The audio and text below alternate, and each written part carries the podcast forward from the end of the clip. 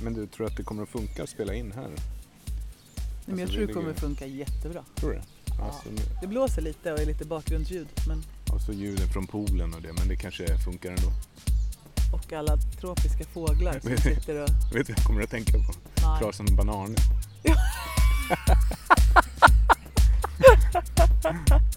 Åh, vad roligt!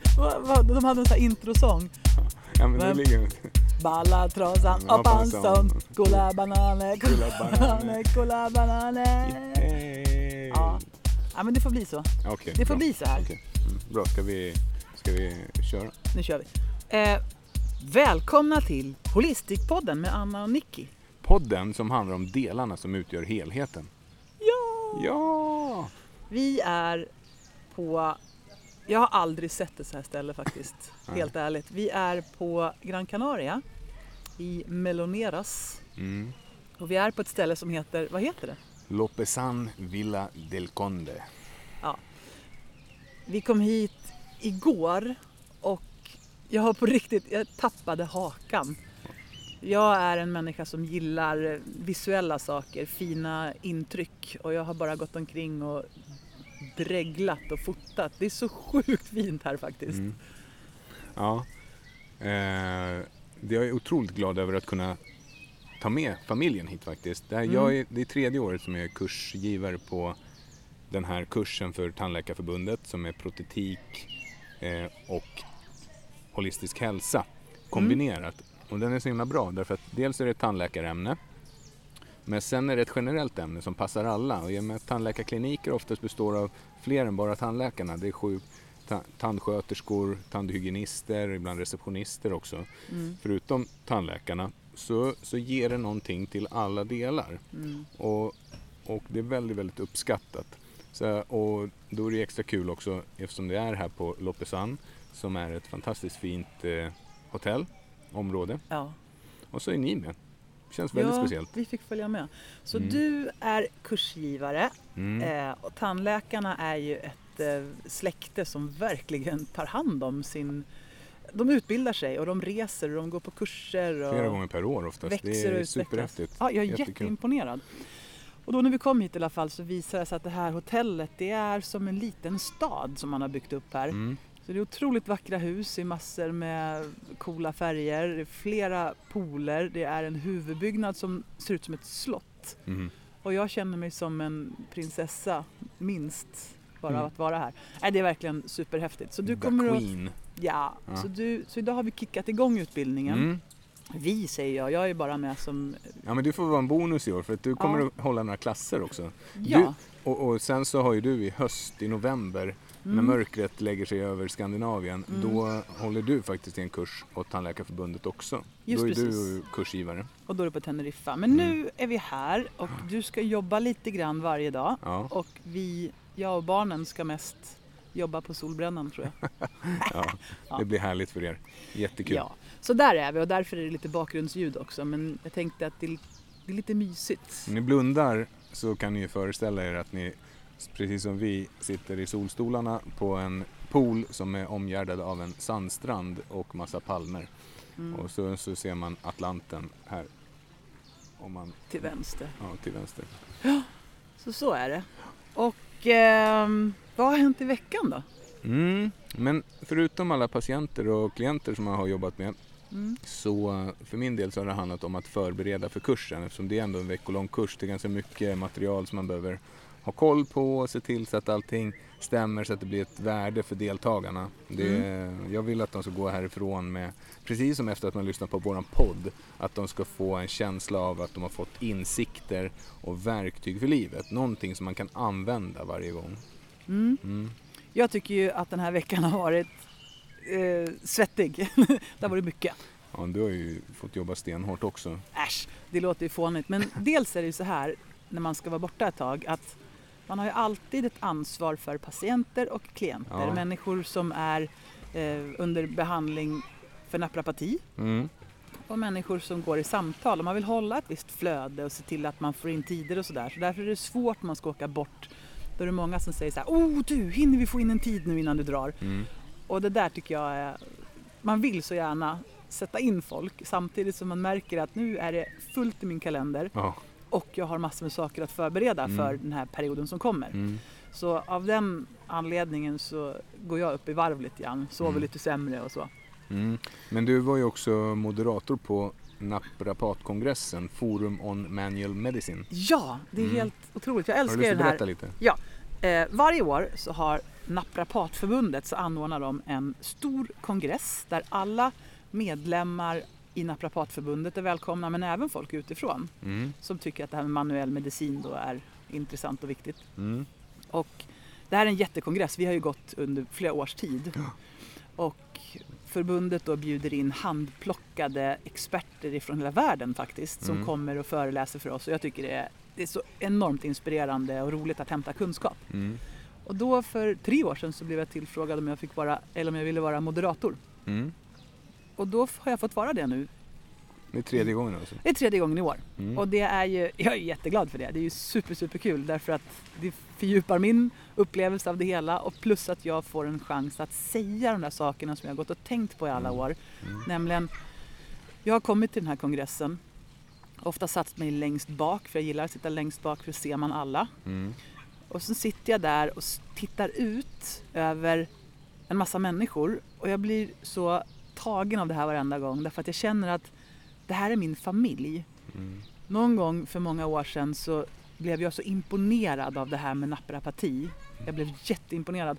Och sen kom jag in på utbildningen, det var ju en mega lycklig stund. Mm.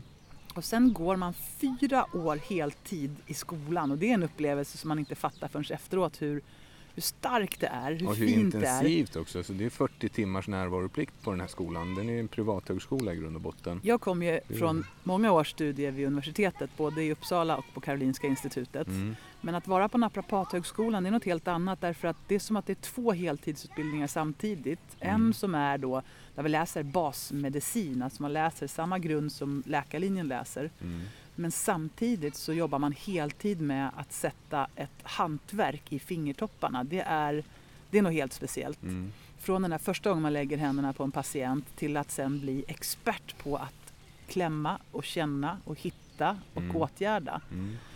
Så eh, jag har en sån otrolig kärlek för eh, yrket, för kåren.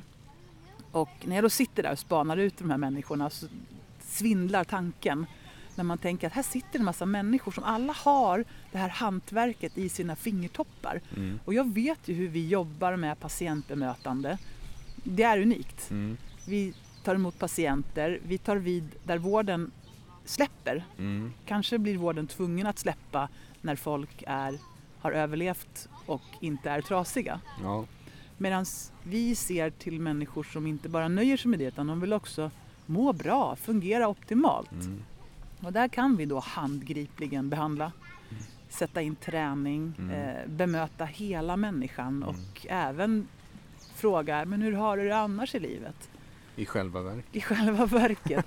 Gud vad jag pratar men jag känner att jag går Ja. igång på det här så mycket. Jag tycker det är så jädra fint. Så Och då det handlar får, jag, då ja. får jag stå där längst fram och så får jag uttrycka min kärlek till kåren och min imponering och så, så får vi samlas i stående ovationer och så är det, ah, det är en sjukt fin dag. Ja, kul. Ja, vad roligt. Jag tänkte på det här att du sa det här med träning eftersom vi, vi jobbar ju snar, vi jobbar en del med rehab men Mm. inte, det är inte vårt huvudområde. Däremot så sysslar vi mycket med det som man kallar för prehab. Det Mm. vill säga man tränar och stabiliserar, korrigerar, förebygger innan skadan har hänt. Mm. Och det tycker jag är häftigt och det, det blir ju liksom en eh, touch av det för dagens ämne också, podden. Ja, vi kommer Mm. ju prata om träning. Mm. Men jag är inte färdig, jag måste berätta lite mer. Ja, visst. Om FOM, för det är så Absolut. sjukt spännande för alla. Nej då. Först var det prekongress. Eh, hela torsdagen då är det liksom lite djupgående utbildningar ute på Naprapathögskolan. Ja. Men sen på fredagen Mm. då var det ju så att dagen inleddes med Måns Möller. Ja, alltså det var ju en överraskning. Det var så starkt. Jag, jag vet ju vem Måns är. Jag har ju tittat både på hans eh, utmaning där med att cykla över Mm. Coast to coast Mm. i USA. Mm. Men också ja, men, kolla på hans stand-up och grejer. Och ändå blev jag så sjukt imponerad över vilken fin människa, Mm. vilket otroligt roligt gig han hade att bjuda på. Och dessutom vilken berg och i känslor. Det var liksom både skratt och tårar under en timme. Mm. Det var helt fantastiskt. Ja, det var riktigt Helt häftigt. grymt. Fan, alltså, jag aldrig, jag, alltså länge sedan jag skrattade så mycket. Ja, ja, ja, jag med. Jag hade ont i magen och grinade. så det var grymt. Och sen efter det så följde då en rad handplockade experter och man får ju liksom ännu mera verktyg till sin verktygslåda när man är på de här utbildningarna. För min del så är det så att det var grymt bra. Vi pratade om barn och liksom barns hälsa och träning och sådär. Men det som fastnade hos mig eh, hårdast det är helt klart den sista föreläsningen med Mikhail Tonkonogi Mm. som ju är professor va? i, eller? Ja. Ja, han är professor i idrottsmedicin Ja. och har ju jobbat för landslaget och ja, han är, han är så knivskarp. Ja, och det är så tydliga fakta liksom. Så här är det. det. Det bara är så här. Han är ungefär som, vad heter han, eh, han som gick bort, eh, Mm, precis, eh, Ros... Ros, Rosling, Hans Rosling. Mm. Han är som Hans Rosling om träning. Ja, Det är, det är exakt den, den eh, inputen. Ja. Och sen vill jag bara säga att när man då har jobbat ganska hårt hela veckan, Mm. förberett för att ändå liksom vara beredd på allt när man är moderator. Vill man, ju, man vill vara påläst och inläst och förberedd och Mm. sen får man se vad man hinner med att göra. Mm. Så då på kvällen så är det ju naprapatfest Mm. och den vill man ju inte missa. Men jag var sjukt trött och jag tänkte vi ska upp tidigt, tidigt dagen Mm. efter och flyga. Jag vet inte om jag orkar. Och jag var inte med på festen. Yay! Och du var inte med. Men sen är det, det är ju oemotståndligt därför att alla är så jädra trevliga och man vill hänga med dem. Så Ja. tänkte jag, jag stannar en stund. Mm. Och så när jag kollade på klockan så var den ett. och sen gick det en stund till. Så jag kom ju hem jättesent, Ja. var aptrött. Och sen gick vi upp och det kändes som att jag gick i sömnen hela dagen igår. Mm. När vi kom till Arlanda, tog flyget, eh, landade här. Och nu äntligen har man fått sova Mm. och äta. Och Mm. nu är det bara träningen som fattas, sen mår jag bra igen. Ja. Det är fantastiskt fint. De Mm. fysiologiska behoven. Ja. Ja, Okej. då så. Så om Mm. vi pratar om träning idag, vad tänker vi att det ska leda till för de som lyssnar? Jag tänker, för min del så tänker jag att jag vill att alla ska få ut någonting av det. Men jag är också väldigt intresserad av att nå de här liksom 80 procenten som inte tränar på gym och de här människorna som, alltså den här stora massan, majoriteten som faktiskt inte tränar i Sverige. Mm. Eh, de vill jag komma åt. De 80 procenten, eller vad är det? 80... Ja, men man, man tittar på, om man tar Sveriges vuxna befolkning så är det ju så att nästan 80 procent av Sveriges vuxna befolkning motionerar inte tillräckligt, alltså enligt de gränsvärdena man har. Mm. Som är då tre, två till tre gånger i veckan fysisk aktivitet. Mm. Och, och eh, det här är ju läskigt då för att vi sitter ju stilla så inåt helskotta mycket. Mm. Genomsnittssvensken, bara för, för några år sedan när jag tittade på statistiken kring det här, sitter still 20, 24, nej, sitter framför en skärm 24 och en halv timme per vecka. Mm. Och, Och det, det är och det ju, blir ju så här när man pratar om det här. Vi tillhör ju då det här släktet som man skulle vilja kalla för de redan frälsta. Ja, men inte, inte av sig självt i alla fall. Jag, inte, liksom, jag, menar, jag måste tvinga mig ut och träna ganska många gånger. Mm. Men Jag gör det för att jag vet att det är bra. Det är ungefär som att man ska ta sin medicin om man har diabetes. Ja, exakt. Och Ja. det här, men för det jag tänker är att om vi pratar om den här nu så vill man ju inte låta som en sån här jobbig jävel som så här, ja lätt för dig att säga men jag Mm. hatar träning. Mm. Alltså man skulle vilja hitta ett sätt att, hmm, hur ska man säga då? Motivera och inspirera till träning Mm. men kanske ta bort ordet träning. Mm. Om vi istället pratar om helt andra saker som att Mm. hur kan var och en eh, göra för att må lite bättre? Så vi pratar om begreppet hälsa och vad har träning med hälsa att göra då? Till exempel om man får svar på den frågan så är det ganska bra. Eller Det är en jätteintressant Mm. fråga, verkligen. Mm. Så tanken då är att om vi pratar om det här så hoppas vi att fler människor kan hitta sin alldeles, alldeles egna inspiration och motivation till att röra mer på det system som behöver röra på sig. Mm. Så kan Mm. vi säga. Mm. Grymt. Bra. Och då tänker vi att eh, det folk kan ta med sig härifrån är Ja, men hur de kan tänka kring vad som behövs göras för Mm. att få ett så bra välmående som möjligt. Mm. Vi kommer prata lite grann om effektiv träning, eller hur? Ja, men egentligen hur lite behöver vi göra för att få så bra effekt som möjligt? Exakt, hur lite behöver man faktiskt göra? Minsta verksamma dos Ja, egentligen. Ja. Det är ju bra. Och även lite grann om vad man kan undvika att göra. För vi Mm. har ju hållit på med det här så sjukt länge så vi har ju sett trender komma och gå. Mm. Vi har tagit hand om skadorna i kölvattnet av de här olika trenderna. Mm. Mm. Och vad kommer vi inte prata om då? Oj, vad kommer vi inte prata om? Specifika är- så här, reps och hur många repetitioner man ska göra, viss och viss vinkel och... Nej, okej, vi kommer inte nörda in oss i vinklar och sånt. Vi kommer kanske prata lite grann om reps bara för Ja. att ge repetitioner innebär det. Okej, Ja. härligt. Och eh, då, om, då, då när vi har pratat om det så vill man ju att folk ska få ta med sig lite saker, det pratade vi om nu. Mm. Och eh, efteråt då, när folk har lyssnat klart på podden, vilken Mm. känsla ska de ha med sig då? då? ja, men jag hoppas igen en känsla av hopp och tro. Alltså Mm. den känslan av hopp är ju den bästa man vet. Den är grym. Och om man då sitter här som en sån här högdosträningsmänniska som Mm. tränar jättemycket redan. Mm. Då kanske man har fått nya tankar och idéer om hur man kan effektivisera sin träning eller göra den roligare. Mm. Är man en människa som sitter här nu och nästan håller för öronen och känner att jag hatar träning, säg ingenting till mig om träning. Så kanske man hittar sin egen väg. Mm. Att men det här kan jag tänka mig att göra. Mm. Och så allt däremellan då. Mm. För det är, det är ju pekpinnarna och måstena som man vill komma ifrån tycker jag. Mm. Vi pratar ju liksom inte om elitträning eller fixa magruteträning. Det är inte det vi pratar om idag. Utan vi Nej. pratar om hälsa. Mm. Och den gäller ju alla. Mm.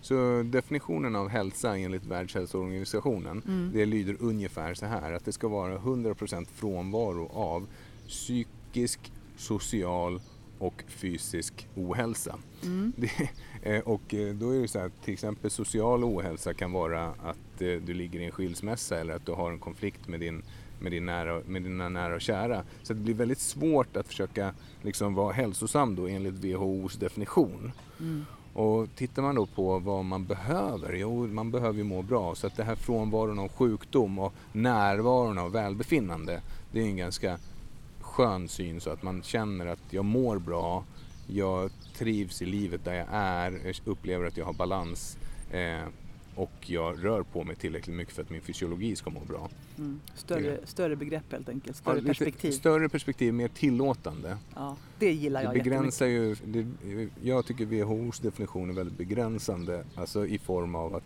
att den dömer ut ganska mycket saker. Mm. Livet går lite upp och ner emellanåt och det är väl att man inte vill att topp, äh, dalarna ska vara så himla djupa.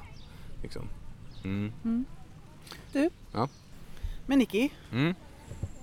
då har jag en första fråga till dig. Mm. Vad är träning? Träning. Mm. Eh, då bör man ju skilja på begreppen kanske för att vad är fysisk träning? Kanske det vi kommer att prata lite mer om idag. Träning kan ju innebära allting som du blir bättre på. Jag menar du kan ju träna matte. Jag menar det. Ja, Du kan träna på att virka. ja, så blir du bättre på det. Så träning är ju själva det tillstånd du befinner dig i av lärande av en ny egenskap Mm. kan man säga. Och när det kommer till fysisk träning så är det ju ett konstant utvecklande av din egna kropp och din egna kroppsfunktioner och hälsa.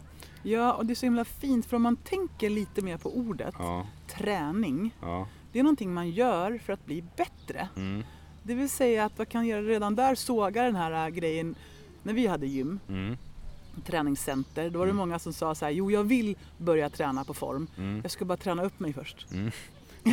Det ser- säga- ja. Det ligger så mycket prestation i det här med att gå på gym till exempel. Men det är ju lite grann samhällsproblemet att vi alltid ska definiera allt, allt utifrån hur bra man är på någonting. Och det här, jag minns när vi pratade med, med präst Fredrik Mm. på tro, hopp och kärlek avsnittet så är det ju så här att det är precis det, att bli dömd redan från skolidrotten om att man är bra eller dålig på någonting. Att träning kan du ju inte vara bra eller dålig på. Du, du utför träning och sen så gör du det utifrån bästa förmåga och vad det är, ja men det är ju alltså en person som har grav artros i, i höfterna till exempel, Mm. den kan ju inte, den kan inte jämföra sig med, med vem som helst utan man får göra det utifrån de förutsättningar man har just nu. Exakt. Och redan där tycker jag vi kan börja prata om det här med träning som just precis vad det är då. Mm. Att försöka göra någonting lite bättre. Man övar på någonting Ja. för att bli lite bättre. Mm. Och måste man alltid bli bättre då? Mm. Alltså när det gäller att ta hand om sin hälsa så är det ju färskvara. Mm, verkligen. Det är Man kan inte träna i tio veckor och sen säga så, nu är jag klar. Nej. Tyvärr. Utan det är någonting som man behöver göra hela tiden. Vi brukar ju säga att det är som att borsta tänderna. Ja. Det är en rutin som man gör Mm. och man gör det inte för att det är så jädra kul Mm. eller för att man ska bli så himla bra på att borsta tänderna. Jag är Mm. bäst på att borsta tänderna. Jag, jag borstar i superligan nu. Mm. Utan det är någonting man bara gör. Mm. För att om man inte gör det så blir konsekvenserna sådana som man inte har lust med. Det blir dyrt. Det blir jobbigt att gå och ta hand om det som inte funkar. Mm. Och lite så är det liksom med fysisk aktivitet också. Mm. Om vi nu ska ta ner det till minsta möjliga nivå. Man kan väl prata om, om man tar då begreppet träningslära Mm. så pratar man om tre, olika, tre huvudtyper av eh, rubriker kan man säga. Det, det ena är då uthållighetsträning, alltså kardiovaskulär träning eller det som folk brukar kalla för kardioträning. Mm. Sen har vi då styrketräning. Mm. Det är när man belastar muskeln oavsett på vilket sätt det än är. Mm. Och precis som Michael Tonkonogi sa, så Mm. att din muskel Har ingen aning om. Vad som belastar den. Nej, du kan lyfta ett traktordäck eller massa mjölpåsar eller en snygg hantel. Så det Eller hugga ved i skogen. Eller hugga ved i skogen. Ja. Det är liksom styrketräning. Bara det att eh, Ja, vi kommer till hur det går till sen då. Och sen så har vi då rörlighetsträning. Och rörlighetsträning måste inte bara vara yoga. Det kan vara vad som helst. Det kan vara att inte sitta på en stol i dagarna ända utan sitta på golvet ibland. Eller att utmana sina rörelsemönster. Mm. För det är ofta där vi är. Vi, om man tittar på en, en dag för en genomsnittlig vuxen person så rör vi oss väldigt, väldigt, väldigt lika varje dag.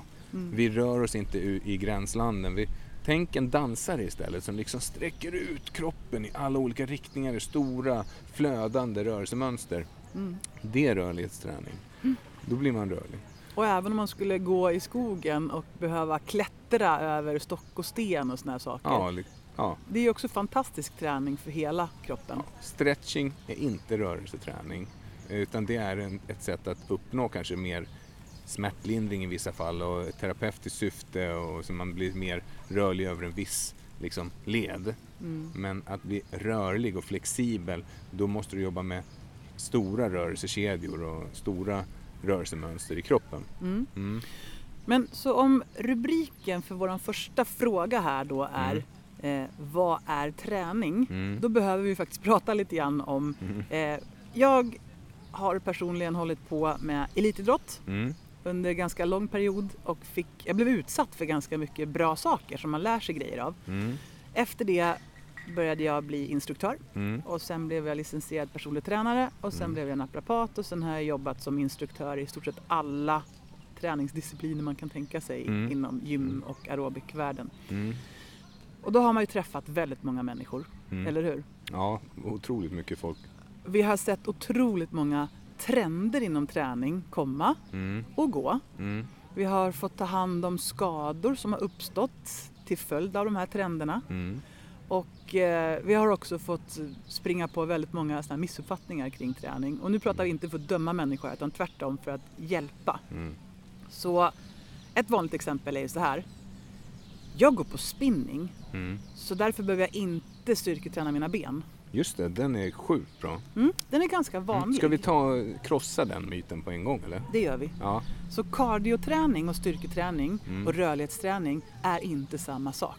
Nej, för att då kan man eh, liksom på nördnivå så är det så här att uthållighetsträning tränar hjärta och lungor, din centrala syreupptagningsförmåga i, i lungorna tillsammans med hjärtat och din lokala syreupptagningsförmåga i muskulaturen, i de musklerna som du jobbar med. Det vill säga, de musklerna blir bättre på att utföra en uppgift under en längre tid Ja. och klarar av att hantera den mjölksyra som uppstår genom att neutralisera den. Och med längre tid, vad menar du då? Ja, men då, då, kan man, då kan man faktiskt ta det ur ett eh, minutperspektiv. Så Mm. om du tränar, blir helt slut i muskeln där du lyfter den upp och ner eller hit och dit under 45 till 75 sekunder då är det definitionen av styrketräning. För att, sen måste du vila efter 75 sekunder för att kunna göra det här igen. Så då pratar vi, alltså när vi pratar om styrketräning då är det på sekundanviselse. Ja, precis. Och Mm. under 45 sekunder och mer kan man prata om mer och mer explosiv styrka, men det är en helt annan grej. Mm. Så styrketräning då, generell styrketräning, 45 till 75 sekunder, då hinner du ungefär Mm. mellan 8 8 till 15-16 repetitioner. Ja, på sin höjd. Ja, på sin höjd. Och då, då har du då styrketränat Ja. och då blir musklernas tvärsnittsarea, det vill säga Mm. muskeln växer i omfång och blir större. Olika för killar och tjejer. Killar får bulligare muskler och tjejer får inte lika bulliga muskler. Eh, och, och det här gör ju att di- din inre förbränning inne i muskulaturen aktiveras. Så att du har en, du, ju mer muskler du har på kroppen desto mer eh, energi förbränner du i vila till exempel. Det kan vara Mm. intressant. Och kardioträning, konditionsträning, då tränar du hjärta och lungor. Du tränar ju med musklerna Mm. men du de blir inte större och starkare. De blir mer uthålliga. I början sker en adaptationsfas där du blir lite mer, du får en känsla av att du blir starkare i benen för att den neuromuskulära kopplingen blir bättre. Så nerverna kopplar bättre till musklerna som gör att de styrs bättre. Och, och då får du en upplevelse av wow, jag har blivit starkare i benen. Men sen blir du inte så mycket starkare, du blir mer uthållig. Mm. Och därför, så till exempel en vanlig grej eh, på spinning är att folk får ont i ryggen. Mm. För de kör bara spinning, de hamnar i spinningträsket. Mm. Men de måste träna kåren, de måste träna de andra musklerna för att få en stadga och stabilitet i kroppen så att de orkar slita på den. För konditionsträning är slitage i grund och botten. Du bygger inte upp musklerna, det är inte styrketräning för benen att köra spinning. Nej. Mm. Utan det är konditionsträning för benen. Ja. Så vi ska inte såga någon av den här formen utan själva grejen är att vi behöver alla. Vi behöver både kardioträna, Mm, vi behöver både styrketräna och vi Mm. behöver också rörlighetsträna till viss del. mm, Och- Så om man då tänker konditionsträning, mm. det är alltså någonting som man gör i över 75 sekunder. Ja, precis. Det kan man säga. Ju, mer, Ja. ju fler och fler repetitioner det blir, går från, från explosiv styrka upp till styrketräning, Mm. upp till uthållighetsstyrka, upp till uthållighet. Mm. Alltså, och uthållighetsstyrka, det är, det är inte... Ett klassiskt pumppass då. Pump kom ju för, vad ska vi säga, 20 år sedan. Något sånt. Ja, Den här äh, träningsformen där man har koreograferat styrketräning mm, med inte så jättetunga vikter i och med att man ska lyfta då, man kör nästan 2-3 minuter mm, av varje. Mm. Ja. Vad är det det- bra för? ja. För all träning är bra för något. Ja, nej, men det är ju bra för att aktivera ämnesomsättningen i kroppen. Liksom. Mm. Och du blir bra på de rörelserna som du gör, det vill säga du banar in rörelsemönstren. Mm. Och du förhoppningsvis så kör du i fullt rörelseutslag, det vill säga full range of motion, så att du Mm. blir rörligare av det. Men i och med att det där blir då, gör man det flera gånger i veckan så blir Mm. slitaget ganska stort. Jag minns när PAMP kom, vi Mm. fick oerhört mycket patienter från PAMP-pass. Mm, fick vi. Precis på samma sätt som det har blivit med Crossfit nu. Vi Mm. får oerhört mycket patienter och Crossfit-träning. Mm. Därför att folk är inte liksom tillräckligt anpassade för det de gör. En trend kommer om man hoppar på den och rivstartar då en helt ny rörelseregim kan man. Ja, säga. eller löpskolningstrenden som kom för några år sedan. ja, ja, ja, ja, ja, ja. Sjukt mycket knäproblem och fotproblem hälsenor. Och man bara Ja. yes, tack så mycket, tack så mycket. Och det Men betyder inte att det är dåligt. Det betyder ju bara att vi är, vi är inte så pålästa i hur man tar sig an en ny trend. Nej. Men om man, tänk, om man tittar då igen på pump, Ja. body pump Ja. heter det ju. Mm. Då kan man säga att det är lite av varje, Mm. så du får inte mycket av något. Nej. Du får ju uthållighetsträning Ja. av muskulatur och till viss del så blir du lite flåsig men det är ju ingen optimal kardioträning Nej. i och med att pulsen är ganska låg. Ja. Eh, Du får nog förmodligen ganska mycket mjölksyra. ja, det får man. Eller det blir en ackumulering av mjölksyra Mm. efter ett tag. Du får inte heller optimal styrketräning i och med att vikterna är låga och repetitionerna är höga. Mm. Och du får inte heller optimal rörelseträning i och med att du inte kör full range of motion. Nej. Men det är inte dåligt, det är, det är lite av varje. Mm. Men om man förväntar sig att nu går jag på det här passet för att bygga optimal eh, muskelutveckling i min kropp, Ja. då blir det ju inte så. Nej. Och du kommer ju inte heller att bli en superbra löpare av att gå på pump, men det kanske ingen trodde heller. Nej. Nej. Men det är det där lite feel the burn. Alltså liksom, man ska gå på den här sköna känslan att det bränner i muskulaturen. Grejen är att det, inte, det bränner inte i muskulaturen, det bränner i muskelfästena. Ja. Det är samma som Och det här är inte så himla lätt att veta. Nej. Jag menar, många går ju just på den känslan. Mm. Jag vill känna att det bränner. Ja, Mm. och då bränner det. Det är ju samma sak som med träningsverk. Mm. Många tycker att om jag får massiv träningsverk då är det ett kvitto på att det var bra. Mm. Och får jag ingen träningsverk, ja, men då var det kanske dåligt. Mm. Men det är ju lika Great med miss- noll. misconception. Alltså verkligen, det, det, det där Den, det stämmer ju inte heller. Inte alls. Ja, och, Överhuvudtaget inte. Vissa Men- får alltid träningsverk, vissa får aldrig träningsverk. Det är lite personliga variationer också. men du, krossa myter är kul. Mm. Stretching då, st- stretching och träningsverk då? Ja, Alltså, man, men du, jag har inte stretchat tillverk, tillräckligt. Det är säkert därför jag fick träningsverk. nej, Nej, nej. nej, okej. Vi, vi säger bara nej på den. Ja. Stretching, det finns inga studier som visar att stretching minskar träningsverken. Alltså inte tillräckligt många för att det ska vara så att man ska säga att det är det som gör det. Eh, Det finns en studie som jag vet i alla fall som jag såg där man såg att man överdoserade med C-vitamin och det minskade eh, potentiellt träningsverken med 50% men den är inte tillförlitlig. Så att Nej. det, det är ju, nej, så styrk, äh, träningsverk och stretching eh, har ingenting med varandra att göra, tyvärr. Och likaså den här stretchingen som man har gjort efter träningspass där man Mm. sträcker lite i höger vad och så sträcker vi lite grann i vänster vad och sådär. Det känns ju skönt. Men Mm. om man försöker skapa ökad rörlighet då kan man lika gärna hoppa över den Ja. stretchingen. För den ger ju absolut ingen ökad rörlighet. Men det är bättre att vänta i 10 minuter tills trycket i muskulaturen har lagt sig och sen stretcha ordentligt, alltså göra ett eh, rörlighetspass eller något liknande. Och sen Mm. att stretcha före ett träningspass, det har faktiskt visat sig tvärtom. Det ger en sämre explosivitet och styrka. Du kan, det är direkt eh, tokigt att stretcha innan ett styrketräningspass till exempel. Mm. Eller ett explosivt eh, moment. Så jag som gillar lite ordning och reda sådär. Mm. Om vi då går till cardio, Mm. alltså konditionsträning. Mm. Hur, vad exakt är det? På vilka olika sätt kan det se ut? Ja, det kan, det kan, alltså helt ärligt, det kan se på det kan se ut på helt sjukt många olika sätt. Vad taskigt!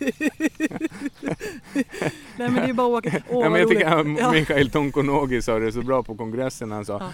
helt ärligt, ni svenskar, ni kan inte springa. Ni ser ut som räkor. Ja. Man sitter still. Alltså, vi har ju gjort så att vi har sabbat våra rörelsemönster så mycket Ja. de senaste åren. Vilket gör att det är svårt att liksom få till en bra, bra liksom, eh, hållning och sådana saker. ja, å andra sidan om man vänder på det, Ja. du ska säga tvärtom då. Mhm. Har man två ben så kan man springa Mm. och då kan man springa. Det viktigaste är väl att, att man gör det. Ja. det Men det. rent generellt, jag vill, jag vill bli ännu mer krass. Ja. Så här är det. För att konditionsträna Mm. Så ska pulsen gå upp. Ja, Det är väl lite grann där vi kan börja. ja men, men okej. Ja, kör. Om man sen väljer att simma, Mm. dansa, Mm. klättra i träd eller vad det än är. Mm. Så är det ju så att till syvende och sist så kan du titta på pulsen och om den går upp Ja, då får hjärtat jobba hårdare för att pumpa runt blodet.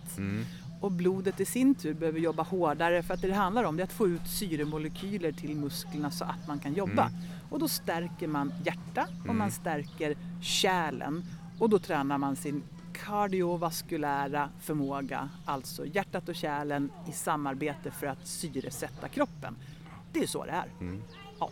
Cardio från hjärta och Mm. vaskulär från kärl. Mm. Mm. Precis, så det är det man behöver göra. Mm. Och vill man då bli en mästare på att, om vi börjar en ytterlighet då, springa maraton. Mm. Då säger det ju sig självt att då ska du träna på att ha ganska låg puls Mm. under lång tid. Mm. Därför att det finns en princip inom träning som Mm. säger att du blir bra på det du tränar på. Mm. Mm. Side.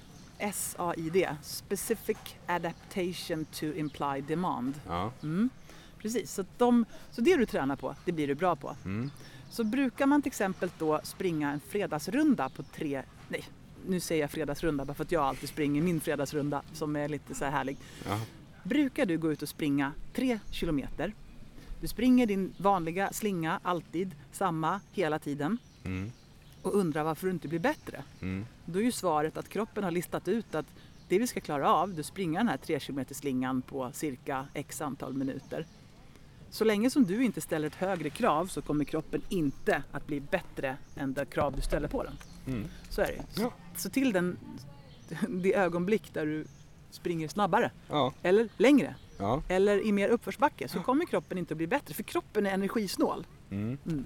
Och det där är ju rätt intressant för att man gjorde också en studie där man tittade på, man ville få folk att springa, man skulle kolla vad som gav effekt på löphastigheten. Då var det en grupp som fick springa en mil, eh, ungefär så här var studien designad. De skulle springa en mil så fort som möjligt. Eh, och så skulle de träna på det tre gånger i veckan, springa milen så fort som möjligt i akt och mening att bli snabbare löpare. Mm. Men, och kontrollgruppen fick då köra intervallbaserad träning.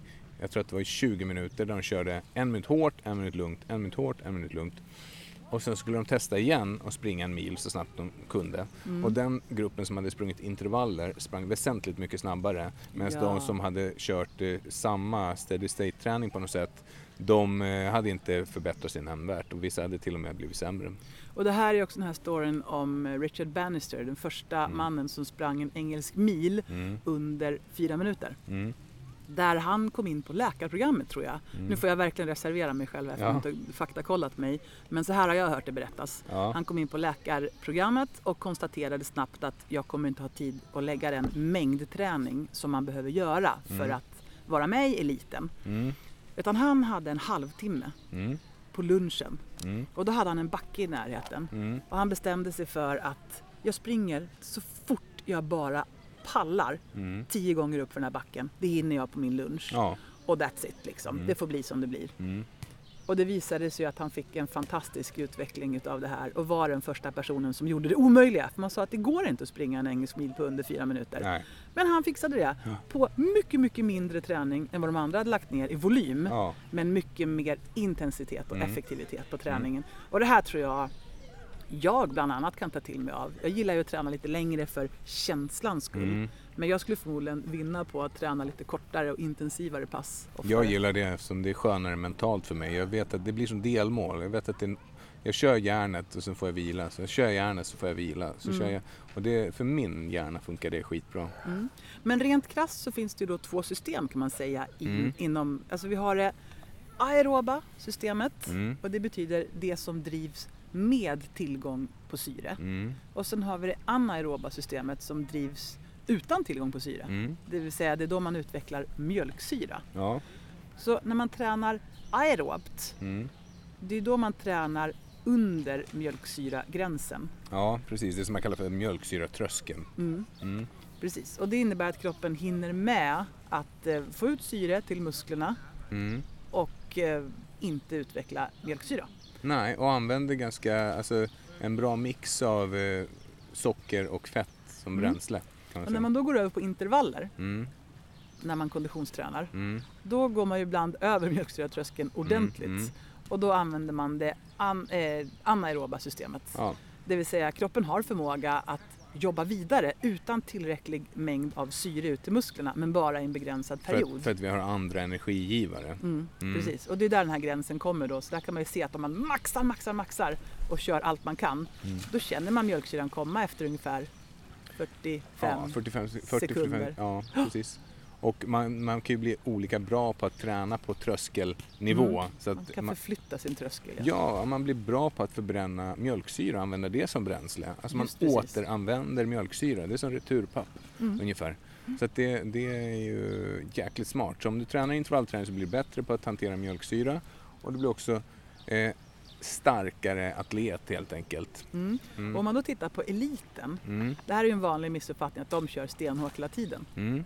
Men det är ju tvärtom. Mm. De ligger ju i en eh, bekvämlig zon en stor del av tiden. Mm.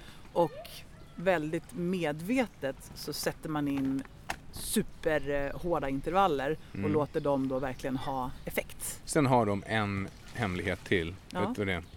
Vila förmodligen. Ja, Ja. precis. De vilar väldigt mycket. De är som lejon på savannen. De kör jakten när de tränar stenhårt. Sen Ja. vilar de jättemycket, de allra bästa. För de måste få återhämtningen. Om du Mm. inte får återhämtningen så får du inte det som man kallar för superkompensationen i systemet. Superkompensationen det är ju det läget där du har tränat ner kroppen om man generaliserar med orden. Mm. Du tränar ner kroppen för att sen vänta på att kroppen ska reagera och överreagera på nedbrytningen genom att bygga upp sig själv.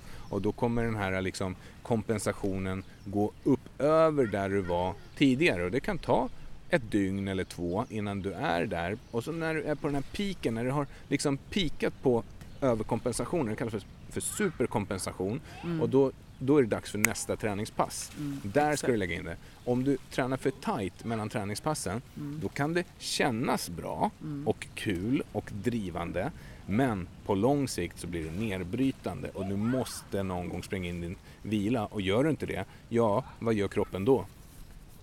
Nej men den bryts ner. Den blir sjuk. Den, den går Ja. åt, neråt, neråt, neråt. Ja, immunförsvaret eh, Och det här är ju så gulligt tycker jag av kroppen. Mm. Att den gör, om man nu tänker att kroppen tänker, Mm, så är det så här att vi gör ett träningspass mm, och då kommer ju kroppen att omedelbart få en nedbrytningseffekt. mm, Och då tänker kroppen, citationstecken, att oj, eh, bäst att jag bygger upp mig själv så att jag klarar det där mm, och lite till. Det vill säga Mm. kroppen tänker med en säkerhetsmarginal mm, och det är därför man får den här superkompensationen.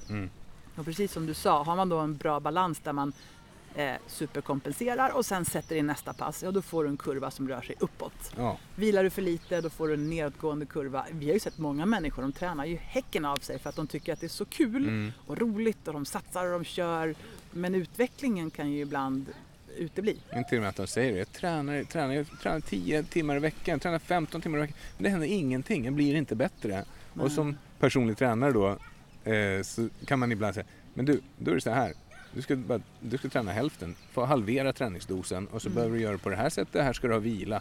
Va, får jag inte göra någonting då? Jo, men du får inte träna hårt. Mm. Och det känns ju då Mm. fel för dem, Mm. men det blir rätt. Mm. Ja. Så Mm. det är häftigt. Så att det här med träning och hälsa, det är ju redan nu då en mix av cardio-träning, Mm. alltså konditions flås svetträning, Mm. Styrketräning som vi inte har pratat så mycket om ännu, där man belastar musklerna och senorna, rörlighetsträning, men sen också vila. Mm. Och självklart bra näring, byggstenar för att bygga Mm. upp kroppen igen. Mm. Mm.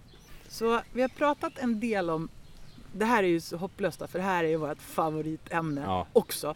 Och vi kan ju träna begränsa oss timmar, men Ja. nu ska vi försöka begränsa oss för du ska snart gå iväg och föreläsa Just och det. vi måste gå ner till beachen. Mm. Så vi har, inte, vi har inte alltid i världen. Nej, Nej. framförallt inte ni. Nej, vi ska gå till stranden tydligen. Ja. Så att, om vi kommer över på styrketräning då. Mm. Det här är någonting som jag brinner för, det är en sån hjärtefråga. Eh, när jag började med träning, Mm. då var det väldigt mycket feel the burn-känsla. Mm. Det var gymping, det var bränna kalorier. Mm. Och man skulle absolut inte styrketräna bara med lätta vikter så Ja. att man fick långa, smala muskler. Mm. Och det här är väl den fetaste myten i västvärlden nästan, vad det gäller träning. Ja. Att tjejer då inte ska inte, träna tungt. så jag vill inte bli bullig. För jag vill, nu, är det ju, nu är det ju inte så här längre. Men när jag började då var det verkligen så här. Tjejerna tog ett kilo i varje hand på passen och så stod man och vevade med de där ett kilos hantlarna i bästa fall Ja. och tänkte att det skulle hända någonting vettigt. Och det enda man gör då det är nästan bara att man sliter på leder och Ja. ligament och grejer. Så att alla människor behöver belasta sina Ja. muskler Mm.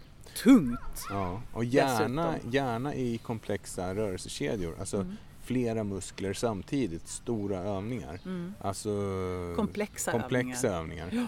För bara träna biceps och tänka att man ska få snygga armar. Det händer ju inte eftersom biceps i sig, alltså överarmsmuskeln, tvåhövdade överarmsmuskeln, den är ju ganska liten. Mm. Så rent energimässigt så bränner ju det sjukt lite kalorier och energi. Mm. Så det är bra att aktivera stora mönster, eh, stora kedjor så att man får så stor effekt som möjligt. Mm. Och bara för att förtydliga då, komplexa rörelser, det kan ju vara sånt som påminner om såna här saker som vi behövde göra förr i tiden. Typ att lyfta någonting från marken upp på en hylla eller någonting sånt. Det Mm. är en komplex rörelse där våra kropp kopplar ihop många muskler för att utföra en uppgift. Mm, Det är bra mm, grejer. Mm. Förutsätter att du är lite stark i din core och inte lyfter tokigt med ryggen och sådär. Men Och kåren är enormt viktig. Alltså det är den, vi behöver ha stabilitetsträning för kåren och då är det inte plankan och sit-up som gäller utan du behöver så kallad funktionell korrektiv bålstabiliserande träning. Mm. Mm. Så eh, de som nästan professionellt jobbar med att bygga stora muskler, det vill säga muskelbyggarmänniskor, Mm. de skrattar ju ihjäl sig åt att kvinnor säger nej, jag, bäst jag inte tar i för mycket så jag blir för stor. Ja, Det händer ju inte. nej. Framförallt inte vi kvinnor eftersom att vi inte har den hormonuppsättningen som vips bygger bulliga muskler över en nej. natt. Och det är framförallt de manliga könshormonerna som män har ungefär 30 gånger så mycket av. Mm. Så kvinnor har de också alltså? Ja, absolut. Det finns testosteron hos kvinnor. Eh, Coolt. och i omvända ordningen ungefär för östrogen hos män. Eh, Mm. Män har också östrogen men 30 gånger mindre ungefär. Det är också coolt. Mm. Så vad det gäller styrketräning Mm. så är det allmänna rådet att träna tungt, träna komplexa, stora rörelser, få med alla muskler i kroppen, inte bara de här självklara biceps, triceps, framsida lår, baksida lår, utan liksom komplexa, stora rörelser. Mm. Eh, däremot behöver man inte hålla på så länge. Man vill träna igenom hela kroppen, alltså minst en gång, eh, alltså hela systemet minst en gång i veckan. Helst två gånger i veckan vill man träna igenom alla muskler i kroppen Mm. med styrketräning. Och på ungefär tre tillfällen skulle jag säga. Mm. Ja, så tre, tre, två till tre tillfällen styrketräning i veckan. Tre gånger därför att man vill ha en, en utveckling, en progression i, i, i utvecklingen. Man vill att någonting ska ske. Tränar du två gånger i veckan då blir det så att i och med att vi blir äldre och muskelnedbrytningen blir större så kommer vi behöva överkompensera för det. Så vi behöver träna lite oftare. Tränar man en gång i veckan då blir vi faktiskt inte starkare. Vi, vi blir med åldern svagare då. Och där nämnde du någonting, att Mm. muskelmassan kommer ju att avta för varje år som går Mm. efter det att den har pikat för tjejer någonstans 2025. Sen, sen tycker kroppen att nu packar vi av muskler här. Mm. Och det innebär ju också då att hållningen blir sämre, Mm. styrkan och kraften till att utföra saker i vardagen blir sämre Mm. och förbränningen blir sämre därför att Mm. vår kropps totala förbränning bestäms väldigt mycket av mängden muskelmassa. Så där har vi tre starka skäl till att fortsätta styrketräna. Därför att fortsätter du belasta kroppen, Mm. ja, då kommer muskelmassan inte att avta. Mm. Utan du kommer att kunna behålla och även utveckla. Och det här är ju så Ja. coolt därför att tittar man på, det är aldrig för sent. Nej. Gamla människor i, i liksom högre ålder, Mm. när de börjar styrketräna, då kan de få en fördubbling av sin muskelmassa inom loppet av ett år. Mm. Och den utvecklingen ser man inget annat åldersspann. Mm. Så att det är aldrig för sent att börja och du har allt att vinna och det finns inga negativa bieffekter, bara positiva. Och nu ska jag berätta en fak ett fakta. Eh, en fakta. En, ja, det, det En fakta, Inte, ja. en fakta. Eh, för alla er som vill komma i bättre kroppslig form, det vill säga Ja. som vill förbränna fett. Eh, lyssna på det här nu. Ni kan inte förbränna eh, fett till den graden genom att träna stenhård konditionsträning. Om ni börjar styrketräna, och det gäller framförallt kvinnor, eh, men också män, träna styrketräning hårt, tre gånger i veckan, tungt, lyft tungt, för att det kommer öka er ämnesomsättning i vila, vilket gör att ni bränner fett när ni sover i princip. Ingenting annat gör det här på lika effektivt sätt som styrketräning. Det är, den, det är en av de stora hemligheterna som eh, framgångsrika personliga tränare har. Det är att de får sina klienter att börja styrketräna. För då börjar kroppen smälta fettet. Och det här har vi ju sett genom åren också. Och det här är ju en jätte, jättevanlig grej att folk vill gärna förändra sin kroppsform i utseendet. Det är ju så många som tycker det är viktigt. styrketräna. Ja, dels tycker man att det är tråkigt men dels så har man ett, en tro på att det här ska ske genom att konditionsträna. Ja. Och det gör inte det. Nej. Och då säger man så här, men du behöver styrketräna. Ja, men då blir jag ju stor och jag vill ju bli mindre. Alltså Mm. det ligger ju mycket kvar det här med att man vill förändra sitt utseende, man Ja. vill bli smal eller vad det är. Det är många som Ja. vill det i alla fall. Mm. Och då är det styrketräning, igen, Mm. som förändrar kroppsformen. Mm. Så det är grymt. Eh, så vi har pratat om konditionsträning, vi har Mm. pratat om styrketräning eh, och vi kan ju bara flika in att förut så trodde man att barn inte skulle styrketräna, Mm. men det ska de. Det där är en myt som eh, framkom på 80-talet på ett konsensusmöte Mm. där Mikhail Tonkonogi satt med Mm. och eh, där de behövde en definition på eh, hur, när, men när ska vi rekommendera styrketräning från då? Ja men vi säger 16 år. Mm. Man får, och då blev definitionen att man får inte träna styrketräning under 16 år. Barn får inte träna styrketräning. Men det var aldrig sagt så i grund och botten. Nej. Det var aldrig sagt så. Det var att man har sett i vissa studier att maximal tung styrketräning för liksom folk som har öppna tillväxtzoner fortfarande kunde eventuellt kanske eh, liksom få negativa resultat av det här. Men då var det på extrema nivåer. Mm. Så styrketräning är jättebra för barn. Jätte, jättebra. Och det som var lite läskigt då på den här kongressen som vi Mm. hade, det är att många av de experter på eh, hälsa, träning och friskvård för barn som var där och pratade, och det var ortopeder och det var läkare och det var professorer, de sa med gemensam mun, vi är oroliga för hur framtiden ska te sig. För den generation som växer upp nu får inte den belastning av sitt system som de behöver för att må bra. Och det här är ju hisnande alltså. Och vi vet inte riktigt just nu, vem är det som ska ta ansvar för att barnen får den rörlighet och belastning som de behöver? Det är ingen som gör det just nu. Nej. Man pratar om att skolan har ju lagt av det för länge sedan. En timmes idrott i veckan är ju löjligt. Mm. Och eh, alla föräldrar har inte möjlighet kanske. Eh, idrottsförbunden verkar ju bara liksom inom sin idrott och tänker på sitt sätt men täcker ju inte in alla.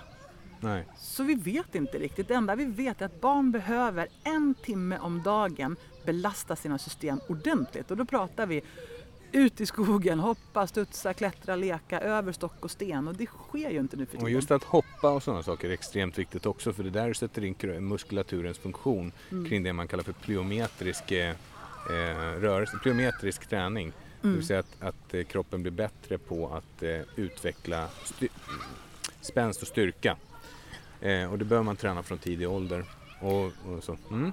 Och sen när vi kommer till det här med rörlighet Mm. så är det ju så att bebisar har ju en fantastisk rörlighet Mm. och så småningom så utvecklas ju vi till små individer som då belastar Mm. och rör oss. Mm. Men vi förstör våran rörlighet ganska tidigt genom att vara alldeles för stilla Mm.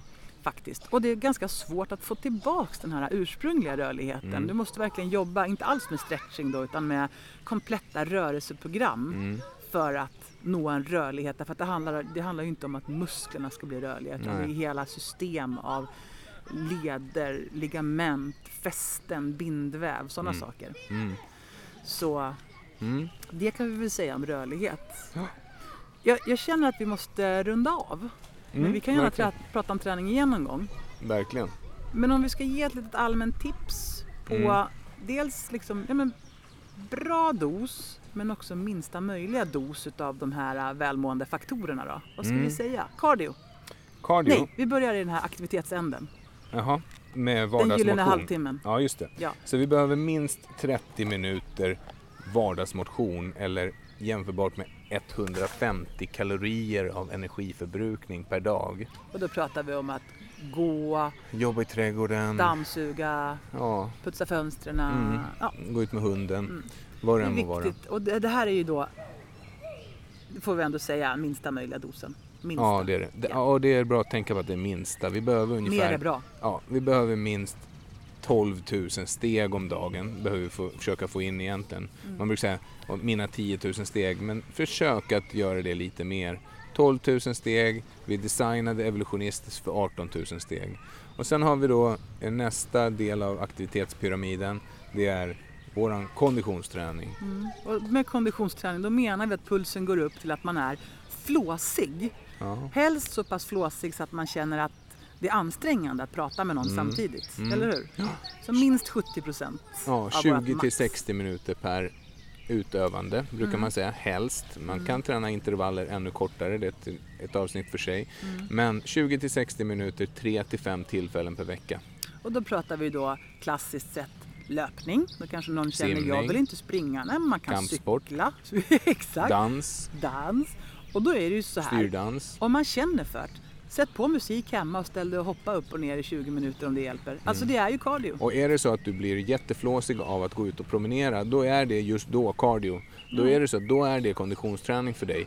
Och Ja. då behöver du börja därifrån. Och sen så när du kan börja springa så tar du några skutt och springer en liten sträcka och sen kan du gå vidare. Sen tar du några skutt till och springer ännu längre.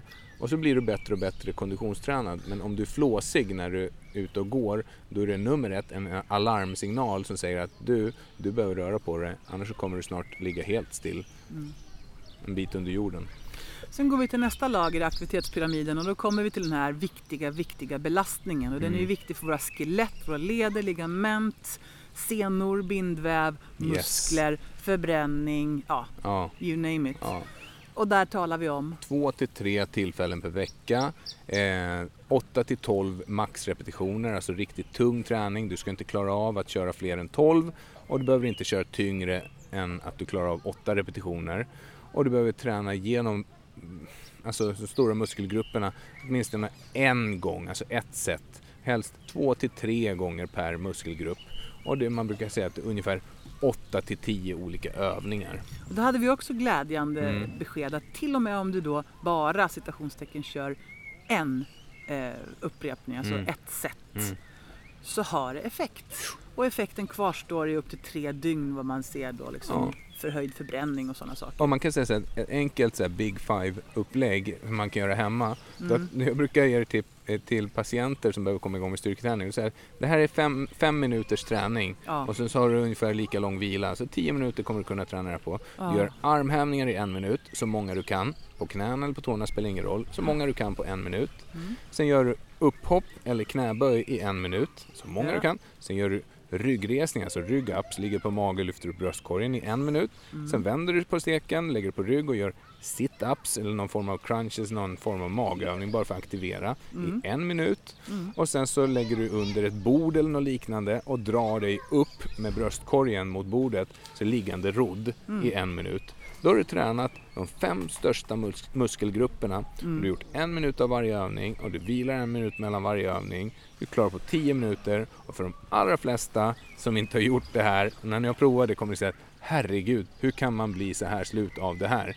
Det är ett supereffektivt, enkelt träningspass där du har tränat de allra, allra flesta muskelgrupperna. Alltså det där är ju så bra Mm. och kan vi inte skicka med den till alla som lyssnar nu? Absolut. Och jag, då menar jag alla som lyssnar. Mm. Är man superproffs, gör det ändå. Mm. Är man mittemellan, gör det. Har du aldrig gjort det förut, jag garanterar dig att det kommer utväxling För kör en minut armhävningar, oavsett hur tränad du är, om du håller ditt tempo, det är jobbigt. Och själva grejen med träning, det här kan man också flika in. Mm. Själva grejen är ju att bli trött. Så om du blir trött, då har du lyckats. Yes. Men om man, alltså alla pass går ju inte ut på att man ska känna så här, åh vad stark jag är. Tvärtom. Mm, Blir man trött och slut och känner att man är helt färdig, ja då har du lyckats. Mm. Oavsett vad liksom bedriften var. Mm. Mm. Snyggt. Och sen kommer vi till rörlighetsträning och Mm. det finns ju ingen rekommendation för det. Utan där igen pratar vi om det här att inte bli bara sittande och stående utan att kanske sitta på huk ibland, Mm. ligga på mage och kolla på TV ibland Mm. om man nu känner för det. Mm. Eh, alltså röra på kroppen Mm. är ju... Vi naprapater brukar ha en liten sån skala att sitter man mer än två timmar per dag så sitter man mycket. Ja. Mm. Och så ett bra sätt att monitorera det där det är att, att antingen har man en sån aktivitetsmätare som jag har. Min är pre- en Polar Vantage V som är en, en komplicerad klocka men den har en aktivitetsmätare i sig. Det finns ju massa såna armband och sånt. De kan märka av om du står eller om du sitter eller om du ligger eller om du ligger, står stilla eller rör på dig och går och promenerar och sådär. Och det är skitsmart för att då får du verkligen en inblick över att oj, jäklar, men jag, är jag sitter ju faktiskt fem eller sex timmar per dag. Och då blir det svårt att kompensera det genom att träna tre gånger i veckan med träning. Så man måste liksom be- begränsa stillasittandet, rör på dig så mycket som möjligt hela tiden. Alltså, varje läge som du kan... Nu kan jag röra på mig nu? Ja, det kan jag. Bra, gör det då. Så det, det är väl framförallt det som är jätteviktigt. Mm. Mm. Jättebra. Då har vi pratat om eh, cardio, vi har pratat om styrketräning, vi har pratat om rörlighet. Ja. Och längst upp i toppen där då så har vi ju vila. Eller inaktivitet står Ja. det på, på den. Mm. Det vill säga att vi behöver inte ha någon inaktivitet men vi behöver ha vila och återhämtning. Mm. Och då kommer man ju till sömn och återhämtningsdelen i det holistiska livshjulet. Det vill säga vi behöver eh, liksom gold standard det är 7 till 8 timmars nattsömn. Ja. Där vi behöver, så sömnen, vill du ha en bra muskelutveckling Mm. då måste du sova. Om du inte sover tillräckligt då kommer inte musklerna växa. Det bara är så. Okej. Du kan inte, ja, du kan inte bli liksom en muskelknutte på 3-4 timmars sömn per natt utan att skada dig. Det här är ju spännande grejer. Det här är Mm. ju jätte, jättebra. Mm. Så vi har pratat en hel del om det här och det som kommer till då att man kan ju köra aktiv vila och då pratar vi om lugnare aktiviteter som yoga Mm. och eh, promenader och Mm. lugn simtur och så. Mm. Vi behöver också äta så att vi får bra byggstenar in till kroppen om man bestämmer sig för att börja träna. Ja, Men det är väl ungefär det. Är väl ungefär det. ja, jag tror Ja, det. ja. Så att, eh, Så, så vi ville prata om träning mm, och vi vill prata om det i en större perspektiv än det här nördiga som bara blir eh, prestationskrävande mm, och Mm. tråkigt. så bara ut och just do it. Alltså, mm, tänk rörelse istället för träning. Ja, tänk, tänk att det handlar om dig. Strunta i vad alla andra gör. Men tänk att det handlar om dig, din hälsa, din kropp. Du har fått en kropp och den är fantastisk och du Mm. behöver belasta ditt skelett. Du behöver belasta muskler och senor och ligament och det är viktigt. Det är inte farligt.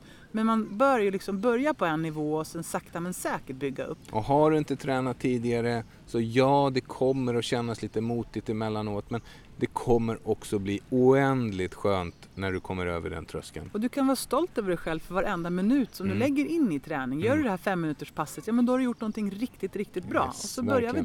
där. Mm. Så bara, bara gör det, hitta din grej. Trivs du med att gå ut i skogen och välta stenar, gör det. Ja. Skitbra. Eh, Man Mm. behöver absolut inte gå på ett gym. Eh, Det finns massor med saker som man kan skaffa till sitt hem för att Mm. träna både cardio och styrketräning. Mm. Hitta ditt sätt helt Mm. enkelt, men kom igång med rörelse, om så pyttelite. Och kom ihåg att vila emellan så står du där och hugger ved nu inför liksom, eh, ja, någon Inför säsong. påsken. Eller, inför påsken. Nej men står du och hugger ved till exempel på tomten så gör det då. Försök att variera positionen. Försök, och så, så kör du ett, ett stund och sen tar du lite vila och sen kör du en stund igen. Ja. Istället för att bara fastna i det och bara köra på helt maniskt. Mm. För då, då blir det istället skaderisk. Och ha målet i sikte. Vi pratar om att vi vill ta hand om våra, våran kropp, vår hälsa, vår energi. Mm. Eh, och då är det värt det. Mm. Alltid. Det är liksom vårt övergripande Mm. mål. Och varje gång man ställer sig själv frågan, ska jag eller ska jag inte? Mm. Just do it! Mm. Har vi några boktips? Så här, sluttampen. Ja, alltså ge? den här boken är ju grym. Den heter Hälsa på recept. Träna smartare, må bättre, lev längre. Av Anders Hansen och Carl Johan Sundberg. Två gurus och idoler. Den här boken är, den är enkelt skriven. Mm. Korta kapitel, faktarutor, bilder. Du kan slå upp nästan var som helst och hitta inspiration. Man kan bara, vet, man kan bara öppna en sida så känner man att ja, just det, Mm. det är det det handlar om. Den är grym. Skaffa Ja. den. Och Hjärnstark som Anders Hansson skrivit berättar mer om hjärnan, hur den eff- eh, får effekt av träning. Ja, just det. Och eh, sen så tycker jag att man kan eh, också kolla in eh, Jakob Gudiols eh, blogg som han har där han skriver väldigt mycket om träning. Ganska Mm. nördig men, eh, men mycket intressant. Om man är intresserad av fakta och vetenskap och sånt så kan man ju titta in där. Ja, det är nog Mm. de två bästa. Sen om man verkligen vill nörda loss så är ju FYSS alltid bra, det måste jag ändå säga. FYSS är alltså en medicinsk uppslags, ett uppslagsverk Mm. för alla de sjukdomar och åkommor vi har Mm. och vad den naturliga träningsbaserade lösningen är. Och det Mm. här är, det är ganska tuffa tips och råd och jag Mm. tycker det är en frisk faktor. Ja det är det. Det är sjukt intressant. Ett Mm. litet, eh, träning, en liten träningsmotivatorstips från mig Ja, det är att skaffa en eh, pulsmätare. Pulsklocka, en avancerad pulsklocka ja. som håller eh, koll på hur mycket du rör dig. Du får automatiskt en träningsdagbok. Den loggar ju all träning, all, all aktivitet och du får biofeedback till dig själv. Du ser liksom resultatet av det du har gjort och lär dig mer om pulsbaserad träning och hur du kan använda det även när du styrketränar och så för att hålla intensitetsnivån uppe. Superbra tycker jag. Coolt. Och det sista som vi säger idag är träningstips från mig är jag brukar alltid försöka flytta fram min tanke en timme framåt i tiden. Mm. Om jag vet att nu är det kväll, nu borde jag träna och så kanske jag känner men jag är jättetrött eller jag skulle mycket hellre vilja. Då brukar jag bara fråga mig själv, hur vill jag må om en timme eller en Mm. halvtimme eller om en kvart eller vad det kan vara. Mm.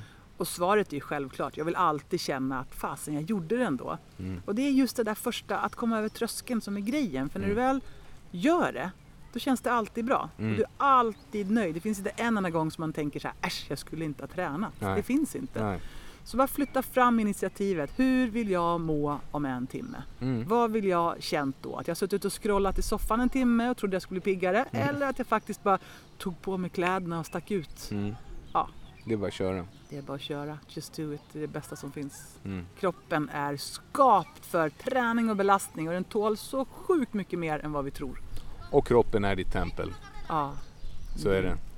Nej du Nicky, nu måste jag gå till stranden. Ja. Stressa inte ihjäl dig. I won't. Ja. Så ska jag ta och jobba lite. Nästa podd kommer också vara härifrån. Mm. Och podden därefter kommer vara från Mallis. Ja, för då åker vi faktiskt helt otroligt nog på ett jobbuppdrag på Mallis några dagar också. Ja. Arbetsveckor kan se olika ut. Verkligen. Nu önskar jag alla en fantastisk söndag eller när man än lyssnar och så hörs vi snart igen. Hej då! Hej då! Hasta la vista! Du, om ni vill eh, följa oss på sociala medier så kan ni följa oss på Formholistic på Instagram eller på Facebook. Och ni kan också följa oss på LinkedIn på Form Holistic Leadership. Vill ni kontakta oss via e-post så når ni oss på formholistic.gmail.com och vill ni också läsa den medföljande Holistic-bloggen så kan ni söka det på vår hemsida www.formholistic.com www.formholistic.com med holistic med C på slutet.